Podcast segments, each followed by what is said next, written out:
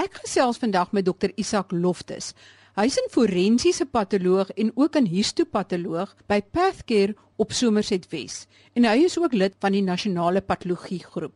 Ons weet dat te veel alkohol kan 'n mens dronk maak, maar hoe werk dit? Dokter Loftus, kan jy vir ons dalk so 'n paar agtergrondfeite oor alkohol verskaf? Dankie Marie. Wanneer ons verwys na alkohol, verwys ons spesifiek na etielalkohol of etanol. Daar's ook ander tipe alkohol. Daar is byvoorbeeld metielalkohol wat bekend staan as metanol of sogenaamde houtspiritus.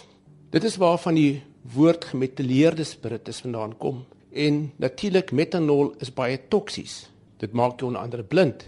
Interessantheidshalwe speel etanol 'n belangrike rol in die behandeling van metanolvergiftiging. Deurdat die manier om eh, metanolvergiftiging te behandel is om die pasiënt onder andere etanol te gee want die lewer sal dan etanol eerder metaboliseer of afbreek as metanol en die persoon kan dus geleidelik ontgif word as mens dit so wil stel. Daar is verskeie bronne van alkohol. Bier, wyn, fortifiseerde drank en spiritualie is basies die vier hoofgroepe. Alkohol is 'n produk van gisting. Wanneer glikose of fruktose of enige van die suikers omvorm word in alkohol en dan ook koolsuurgas. Terwyl ons praat oor gisting, is daar dikwels ook die wanopvatting dat wanneer mense sterf in 'n wyntank, hulle sterf aan die feit dat hulle oorval word deur alkoholdampe. Dit is natuurlik nie korrek nie. Een van die redes hoekom hulle sterf is weens die gistingsproses in die wyntanke wat aanleiding gee tot die vorming van koolsuurgas. Dit is 'n swaar gas, dit lê in die onder in die tank en wanneer die persoon dan inklim om byvoorbeeld die tank skoon te maak, dan word hy oorval deur die koolsuurgas. Moet daar forensiese verskil gemaak word tussen wyn en bier enerzijds en anderzijds brandewyn, whisky, vodka, jenever en so meer met die oog op alkohol konsentrasies in die verskillende dranke? Wanneer ons deur die normale of natuurlike proses van fermentasie gaan, wyn slegs kan gis totdat die alkoholgehalte ongeveer 15% is. En die rede daarvoor is dat wanneer die alkoholkonsentrasie sodanig raak, dan onderdruk dit die organismes wat die alkohol produseer. Natuurlik in gefortifiseerde drank en spiritualie is dit baie hoër, maar dit is omdat ons daar gebruik maak van destillering onder andere. Wat is 'n sopie alkohol? Wanneer ons praat van 'n sopie alkohol, dan neem ons in ag die sterkte of die konsentrasie van 'n spesifieke alkoholdrankie. Byvoorbeeld 25 ml spiritualie is ongeveer gelyk in alkoholinhoud aan 150 ml wyn en 375 ml bier. So rofweg kan ons sê dat wanneer ons van 'n sopie alkohol praat, dan verwys ons na ongeveer 10 gram alkohol. Dit is 'n duimreël. Die presiese waarde kan vir elke drankie bereken word Hoe affekteer alkohol die liggaam en watter organe is die vatbaarste vir hierdie effek van alkohol? Wanneer ons kyk na die effek van alkohol op die liggaam, moet ons onderskei tussen die sogenaamde akute effekte, dit wil sê die onmiddellike effekte daarvan, en ook die kroniese effekte of die meer langdurige effekte daarvan. Nou daar is 'n kontinuum van alkoholgebruik aan die een kant en alkoholmisbruik aan die ander kant. Ergens op hierdie kontinuum is daar 'n stadium wanneer die gebruik van alkohol sekere neeweffekte op die liggaam sal begin te uitoefen. Alkohol is basies 'n toksiese substans wat deur die liggaam afgebreek moet word om daarvan ontslae te raak. Alkohol hoop nie op in die liggaam met tyd nie. Die liggaam moet deur ensiemaksie en deur ander metabooliese aksies daarvan ontslae raak. In die kroniese effekte van alkohol kyk ons onder andere na die effek op die lewer. Lewersirose of verharding van die lewer is die gevorderde fase van lewerskade in alkoholgebruik. Maar voor dit kry ons lewervervetting en ons kry ook lewerontsteking as gevolg van alkoholmisbruik. Maar alkohol het ook 'n negatiewe effek op die brein. Alkoholiste het dikwels breinatrofie Met ander woorde, daar's verlies van die breinweefsel. As gevolg van hierdie verlies in die hoeveelheid breinweefsel, is die brein dus relatief klein in vergelyking tot die skedelholte. Met ander woorde, die brein kan meer rondbeweeg in die skedel. En Marie, dit is wat 'n alkolikus byvoorbeeld so kwesbaar maak. Wanneer hierdie persoon sal val, sy kop stamp, dan is daar abnormale beweging van die brein binne in die skedelholte. Dit kan aanleiding gee tot 'n ruptuur of 'n skeur van die vaatjies tussen die brein en die skedelgewelf en so ontstaan daar 'n bloeding bekend as 'n subdurale bloeding. Die belang daarvan is is dat hierdie bloedings presenteer nie noodwendig onmiddellik nie. Dit vat enigiets van 24 tot 72 uur. So hier het jy 'n persoon wat onder die invloed van alkohol by 'n ongevalle afdeling opdaag, 'n geskiedenis het van trauma, maar hy's waarskynlik ook onder die invloed van alkohol en sonder dat die dokter dit besef, gaan hierdie pasiënt stadig agteruit weens die versameling van bloed op sy brein en sterf hy 'n paar dae later. Hoe groot of klein is die rol wat alkohol in sterftes in Suid-Afrika speel? Data vanaf die 10de jaarlikse verslag van die nasionale beseringsmortaliteit waarnemingsstelsel in 2008 is daar gekyk na 31177 onnatuurlike sterftes. Dit is alweer sterftes as gevolg van motorvoertuigongelukke, aanranding ensovoorts. En in 34% is die bloedalkoholkonsentrasie ten tye van die postmortem bepaal was die gemiddelde bloedalkoholkonsentrasie 0,18 gram per 100 ml. So jy kyk na 'n waarde van meer as 3 keer. In die geval van geweld was die bloedalkoholvlak positief in 60,52% met 'n gemiddelde van 0,18. Kyk ons na voetgangers, was dit positief in 62,6% met 'n meer as 4 keer die normale vlak. Maar wat skokkend is as ons kyk na bestuurders, was dit positief in 57,6% met 'n gemiddelde waarde van 0,17. Marie, dit is baie duidelik dat alkohol en spesifiek akute alkoholintoksikasie net so gevaarlik is soos die kroniese misbruik daarvan, weens die duidelik verhoogde risiko dat 'n persoon onder die invloed van alkohol onnatuurlik kan sterf. Die inkrimping van die brein in mense wat nou op 'n langtermyn dit gebruik, is daar 'n soort van ook so 'n tipe effek as jy dit net op korttermyn gebruik of nie? Vir al die sogenaamde binge drinker, die persoon wat letterlik oor 'n kort tydperk 'n groot hoeveelheid alkohol gebruik. In so 'n persoon is daar ook dikwels 'n verhoogde risiko van breinbloeding in die substans van die brein nie soos 'n alkoholist noodwendig op die oppervlakte nie. 'n Baie bekende risiko van binge drink patroon is die ontwikkeling van 'n toestand met die naam van akute pankreatitis dit het 'n baie hoë mortaliteit want wat gebeur is dat die pankreas word gestimuleer tot so 'n mate dat dit in effek begin om homself te verteer en met verloop van tyd ook die res van die weefsel daar rondom. So akute pankreatitis, akute serebrale bloedings, behalwe die effek dat jy nog blootgestel is aan 'n hoë risiko vir trauma, is alles deel van die pakket van akute alkoholintoksikasie. Wat gebeur in die liggaam as jy alkohol inneem? Wat is hierdie onmiddellike akute effekte? Marie in uh, wetenskaplike terme kyk ons altyd na farmakodinamika, met ander woorde wat die alkohol aan jou doen of enige middel aan jou doen versus die farmakokinetika, dit is wat jou liggaam aan alkohol of weer eens enige ander middel doen. Nou die farmakokinetika van alkohol sal dus byvoorbeeld kyk na dinge soos wat verhoog die absorpsie van alkohol. Hoe word alkohol afgebreek in die liggaam? Hoe word dit uitgeskei? Die farmakodinamika aan die ander kant Daar kyk ons na hoe affekteer die alkohol jou. Nou kom ons kyk net na 'n paar dinge oor farmakokinetika. Met ander woorde, wat jou liggaam aan alkohol doen. Die eerste belangrike ding is is dat die meerderheid van alkohol word geabsorbeer uit jou dun darm uit, nie uit jou maag uit nie. 20% uit jou maag, 80% uit jou dun darm, minimale hoeveelhede uit jou mond en uit jou slukdarm. En daar is heelwat dinge wat die absorpsie van alkohol kan verhoog. Hoe gouer die alkohol wat in jou maag is deurkom na die dun darm toe, hoe vinniger en hoe beter sal dit geabsorbeer word. Met ander woorde enige toestand, enige medikasie, enige tipe drank wat daardie deurgang sal beïnvloed, sal 'n rol speel. Baie sterk drank sal as 'n beskermingsmeganisme stadiger geabsorbeer word omdat die sterk drank sal jou maag irriteer. Dit sal meer slaim afskei wat die oppervlakte sal bedek en dis dan 'n tipe van 'n skansel vorm tussen die alkohol en jou maagslijmvlies. Dit sal ook die pylorus, die sluitspier aan die ondereinde van jou maag, laat saamtrek en die alkohol sal stadiger deur jou dundarm gaan. Maar ander goeters kan weer die absorpsie van alkohol verhoog. 'n Warm drankie, Dit veroorsaak verhoogde bloedvloei na jou maag, so dit sal alkoholabsorpsie verbeter. Gas. Enige drankie met gas, spesifiek koolsuurgas, sal die maag laat opswel. Dit sal die maag slijmvliesvoue laat ontvou en dit sal die oppervlakte area voel.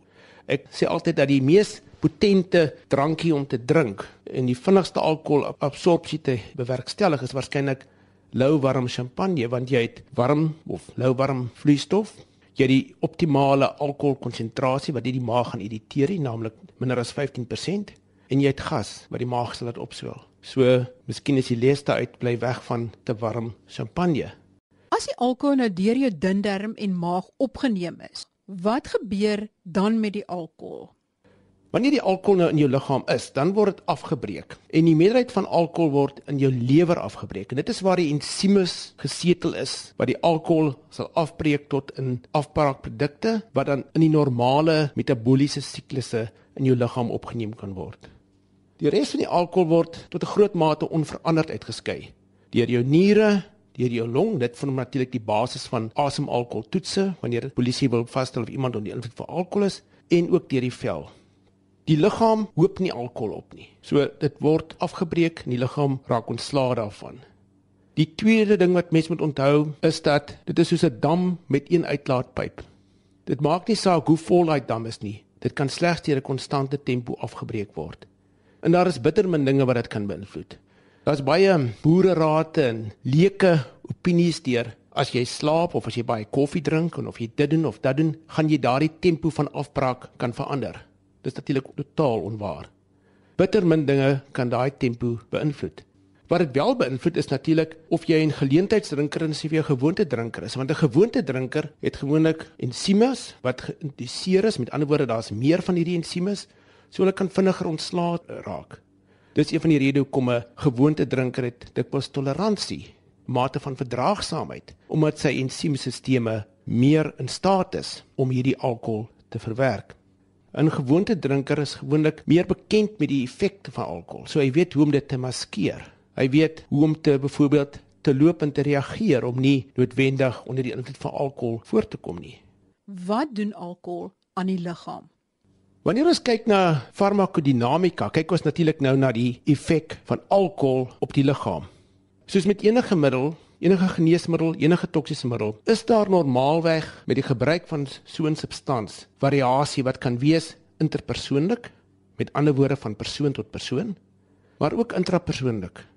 Interpersoonlike variasie beteken dat wanneer jy twee individue vat en jy gee hulle dieselfde hoeveelheid alkohol, sal hulle alkoholvlakke nie noodwendig dieselfde wees nie en bykomend sal hulle respons, hulle kliniese respons nie dieselfde wees nie. So dit is wat ons noem interpersoonlike variasie. Intrapersoonlike variasie is waar jou respons in opsigte van 'n middel van dag tot dag kan verskil. En dit kan wees omdat jy vandag miskien 'n bietjie moer is, jou maag is miskien leeg, jy dalk ander medikasie geneem en skielik is jou respons nie heeltemal dieselfde as wat dit 'n week tevore was nie. Dit is die rede hoekom wanneer jy begin met nuwe medikasie vir watter rede ook al, mens versigtig moet wees met die gebruik van alkohol omdat die ou respons waaraan jy gewoond is, nie noodwendig dieselfde gaan wees nou dat jy 'n nuwe middel drink nie. Iets wat mens altyd 'n gedagte moet hou. 'n Verdere aspek van interpersoonlike variasie is natuurlik ook op grond van die ensieme wat ons het in die maag sowel as ook in die lewer. Een van die ensieme wat in die maag voorkom, is alkoholdehidrogenase. Dit breek alkohol af. Dis die eerste stap in die alkoholafbraakproses. Die hoeveelheid alkoholdehidrogenase ensiem wissel. Vrouens het waarskynlik 'n laer dosering, verlaar inhoud daarvan. Ook sekere Japaneese rasse ensovoorts het laer vlakke van alkoholdehidrogenase. Dit kan moontlik tot 'n mate verklaar hoekom die respons op alkohol dis verskillend is tussen man en vrou Daar's ook ander redes moet ek bysien, naamlik die vetinhoud is 'n ander belangrike faktor, maar ook tussen byvoorbeeld verskillende rasse. En dan is daar 'n tweede ensiem wat betrokke is en dit is sogenaamde aldehied dehidrogenase, spesifiek aldehied dehidrogenase 2. Nou hierdie ensiem breek asetaldehied af na asetaat. Dit is die tweede proses wat met plaasvind. Nou, 'n verlaagde vlak van hierdie spesifieke ensiem sal aanleiding gee daartoe dat daar hoër vlakke is van asetaldehied en dit veroorsaak dat die persoon 'n blosende voorkoms aanneem. Uh hierdie persoon het dan ook 'n hoë risiko vir onder andere slukterm of esophagus karsinoom. En soos jy verduidelik het, is dit dan juis hierdie hoë vlakke van asetaldehied wat die gif is, wat jou hoofpyn gee, wat jou brein en ander organe aantas. Maar oor na 'n ander vraag. Hoe werk dit dat alkohol jou dronk maak? Mense glo dikwels dat alkohol is 'n stimulant. Met ander woorde, wanneer jy alkohol drink, dis wanneer almal begin te gesels en almal sosiaal verkeer en joviaal is. Dis natuurlik nie korrek nie. Alkohol is 'n onderdrukkende middel. Dit is 'n agonis, met ander woorde, dit het dieselfde effek as 'n middel wat normaalweg voorkom in die brein of in substans, sogenaamde gamma-aminobenzoesuur, GABA, G A B A. En wat alkohol doen is dat dit het 'n onderdrukkende effek op die brein en dit begin gewoonlik om die hoër kortikale funksies te onderdruk. Wanneer jy hierdie funksies wegneem, dan kry jy 'n valse gevoel van stimulasie, want jy ontsnap nou aan die onderdrukkende effek van jou hoër kortikale neurone. In hierdie effek op die brein is amper soos 'n golf of 'n brander wat van voor af oor jou kop spoel. Die brein het verskillende lobbe. Voorste lob staan bekend as die frontale lob en dan bietjie meer na agter het ons die temporale lob, net hier bo kan die slaap en die parietale lob. En heel agter het ons die occipitale lob. Die brein rus op die breinstam en die agterbrein of die kleinbrein, die cerebellum. En die golf van alkohol tas ook mettertyd hierdie strukture aan. En dit is soos hierdie golf oor jou dan spoel wat jy verskillende manifestasies het van alkoholintoksikasie afhangende van watter deel van die brein aangetast is. Wat is hierdie eerste effek as dit nou jou frontale lobbe hier voor in jou voorkop tref? Maar die eerste plek is net belangrik om te onthou dat ons kyk na 'n aaneenlopende proses. Ons kyk na 'n kontinuum. Ek gaan verwys na spesifieke bloedalkohol vlakke. Een vlak gaan oor na 'n ander vlak. Toe. So die luisteraar moet onthou ons gaan nou praat oor 'n aaneenlopende proses wat die heeltyd plaasvind en toenemend is soos die persoon meer en meer alkohol inneem. 'n voorbeeld te gee, byvoorbeeld perifere visie, wat sê verlies van die visie in die buiteaspekte van jou oogvelde vind plaas op 'n vroeë stadium terwyl ander oogeffekte miskien eers 'n bietjie later mag plaasvind. So kom ons kyk na die eerste effek. Soos ek gesê het, dis wanneer hierdie brander begin om oor jou frontale lob, die voorste lob van jou brein te spoel. En wat dan gebeur is is dat dit neem die onderdrukkende effek van jou hoër kortikale neurone weg. Eindelik kom die ware jy dan te voorskyn hoeveel alkohol nodig is om dit te laat gebeur wissel van persoon tot persoon. Ek sê altyd dat sommige individue net 'n baie klein hoeveelheid alkohol nodig om die veneer van beskawing te laat wegwas. Want hou die frontale lobbe se funksies is dinge soos jou inhibisies, jou selfbeheer, jou wilskrag, jou oordeelsvermoë, ook jou aandagspan. Met ander woorde, onderdruk jy dit, begin jy die persoon kry wat skielik joviaal is. Hy praat al hoe meer, Dit is 'n persoon wat miskien al hoe meer aggressief raak want hy verloor daardie normale inhibisie wat hy sou gehad het. Hierdie effek word altyd die beste gedemonstreer by enige sosiale funksie waar jy instap en mense stil, die geraasvlak is minimaal, mense praat min en sag met mekaar, maar na die eerste ronde drankies is almal meer joviaal, spraaksamig en ek sê altyd alkohol is waarskynlik jou beste sosiale smeermiddel in die gemeenskap. Na watter vlakke kyk ons in die joviale fase, hierdie fase 1 van dronkenskap? Jy weet, hierdie vlakke begin reeds by 0,01 gram per 100 ml. Onthou, die wettige vlak om te bestuur is 0,05, so dit is onder daardie vlak. En dit is die rede hoekom ek een van die mense is wat glo dat om te bestuur sonder enige alkohol in jou liggaam is veel beter as om te bestuur selfs al is jy onder die wettige perk. En die rede daarvoor is is dat met wat nou met jou gebeur het, jy die verlies van jou inhibisies, jou selfbeheer, jou aandagspan, het jy al klare hoë risiko om 'n ongeluk te maak. Jy is nog nie metories ingekort nie, maar jy is nie meer dieselfde persoon nie. So dit is normaalweg by die vlak van 0,01. Nou wanneer die golf 'n bietjie meer na agter toe gaan en dit begin nou die parietale lobbe aantas, kyk ons na 'n vlak van 0,1 gram per sent of gram per 100 ml ongeveer. En dan word jou motoriese vaardighede ingekort. Jy begin al hoe moeiliker praat, jy praat sleeptong. Dit raak vir jou al hoe moeiliker om ingewikkelde bewegings te kan uitvoer. Dit kan wees dinge om soos byvoorbeeld net jou knope vas te maak. Daaglikse aktiwiteite. Terselfdertyd word ook jou sensoriese vaardighede ingekort. So jy het nou 'n probleem dat jy nie net meer so goed is om iets te doen nie, maar ook om sekere goed te voel. Ons kan dit die sleeptongfase noem. Dit is nou fase 2. Die derde fase is wanneer die oksipitale lob of met ander woorde die breinlob wat heel agter sit by jou agterkop aangetast word. En dit is gewoonlik hier by 0,2 gram per 100 ml. En dan word jou visuele waarnemingsvermoë ingekort. Jou akkommodasie is waarskynlik reeds ingekort op hierdie stadium. Ek het reeds gesê jou perifere visie is af. Nou neem jou dieptevisie af. Jy sukkel al meer om beweging en afstand te evalueer. En hierdie veranderinge is erger in die skemerlig of in die donkerte. Ook gaan dinge soos byvoorbeeld die onderskeid van kleur verlore met hoër alkoholvlakke. En dit is die belang van alkohol wanneer dit kom by motorongelukke. Behalwe die feit dat die persoon se frontale lob aangetast is, behalwe die feit dat sy motoriese funksie aangetast is, het jy nou ook 'n persoon wat in effek halfblind is. Hy ry in die skemer, sy perifere visie is min Hy sien swakker in die donkerte en hy sien nie iemand voor hom in hardop nie. So die effek van alkohol op die oë is 'n baie belangrike effek, veral as dit kom by ongelukke. So mens kan fase 3 dan die sukkel om te sien fase noem, maar dan word sake nog erger. Dan gaan ons na die volgende fase toe. Dit is wanneer die cerebellum of die kleinbrein of agterbrein aangetast word. Nou ons weet almal die cerebellum is baie belangrik met die uitvoer van koördinasie En wanneer dit aangetast word en dit is reeds by 0,15 gram per 100 ml aangetast, is dit veral die balans wat daaronder lê. Maar jy weet vir ons om optimaal te funksioneer, is dit vir die mens nodig om 'n klomp inligting te verwerk, inligting wat hy sien, inligting wat hy deur sy voetsole optel van hoe hy staan, inligting van hoor. Nou al hierdie inligting moet die brein verwerk en dan moet hy die beste moontlike respons daar stel. Dit is duidelik dat ons nou op 'n stadium is wat feitelik alles wat jy nodig het om as 'n nugter mens te kan funksioneer, is nou beperk. So die feit dat jy nie meer intakte inligting kry vanaf jou oë, vanaf jou sensasies nie en as jy die bietjie inligting wat jy inkry probeer uitvoer, is jy ook nie meer motories daartoe in staat nie. Dit wys jou net die sneeubal effek wat hierdie golf nou tot gevolg het. Met ander woorde fase 4 is letterlik die neervalfase. En dan kom ons by die laaste twee fases en dit is wanneer die midbrein en die diencephalon, dit is die dele wat basies bokant die breinstam geleë is in die brein wanneer dit aangetast word. Gewoonlik word dit aangetast by vlakke van 0,25, maar dit kan ook heelwat laer wees.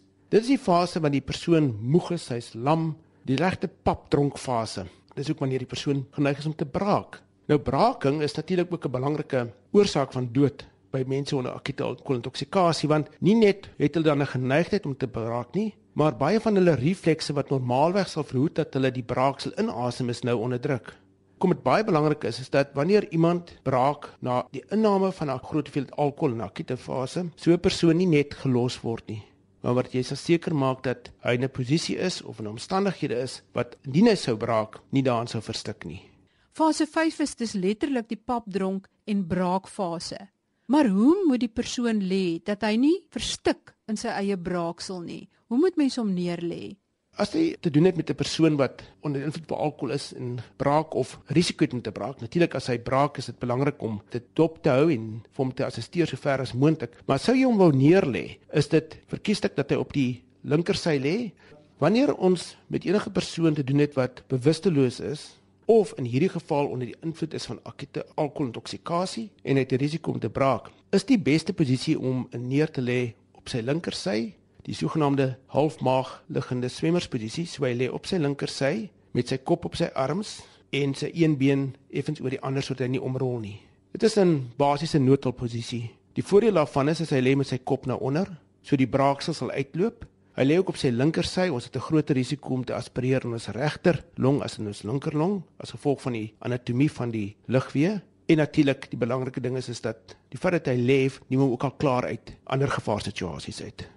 Nou kom ons by die laaste fase en dit is wanneer die breinstam onderdruk word. Nou, Marie, as jy kom by die onderdrukking van die breinstam, het jy 'n probleem want jou breinstam het 'n verskriklike belangrike rol. Dit is die area wat funksies soos byvoorbeeld jou asemhaling, jou bloedsirkulasie beheer. Maar wanneer jy dit onderdruk en dit vind plaas by vlakke van 0,35 tot 0,4, dan wat gebeur is is dat jy in effek besig is om dood te gaan. Want jou asemhaling raak al hoe laer en stadiger, al hoe vlakker. jou hartspoed word geaffekteer en stadig soos onder die effek van 'n narkosemiddel gaan jy in 'n fase wat jy geskok word en doodgaan. Deurgangs ek verwys na alkoholvlakke en ek dink is net belangrik om perspektief te gee daaraan en dit is dat dis 'n kontinuum, dit wissel van mens tot mens. Party mense kan by 'n baie laer vlak kan hulle patologies geïntoksikeerd voorkom. Daar is so 'n danige toestand. Ander kan by baie hoër vlak voorkom. Daar is mense wat alkoholvlakke van 0,7 gram per 100 ml gehad het en wat nie daarin dood is nie. So net belangrik daar is variasie en ek wil nie hê die luisteraar moet nou gaan sit en sê ag dit is nou 0,25 dis dit nie dit is 'n kontinuum en dit is soos ek gesê het 'n sneeubal effek daar kom net meer en meer en meer goed by Baie dankie aan Dr Isak Loftus, patoloog verbonde aan Pathcare op Somerset Wes en ook lid van die nasionale patologie groep vir hierdie insiggewende gesprek. Groete van my, Marie Hudson.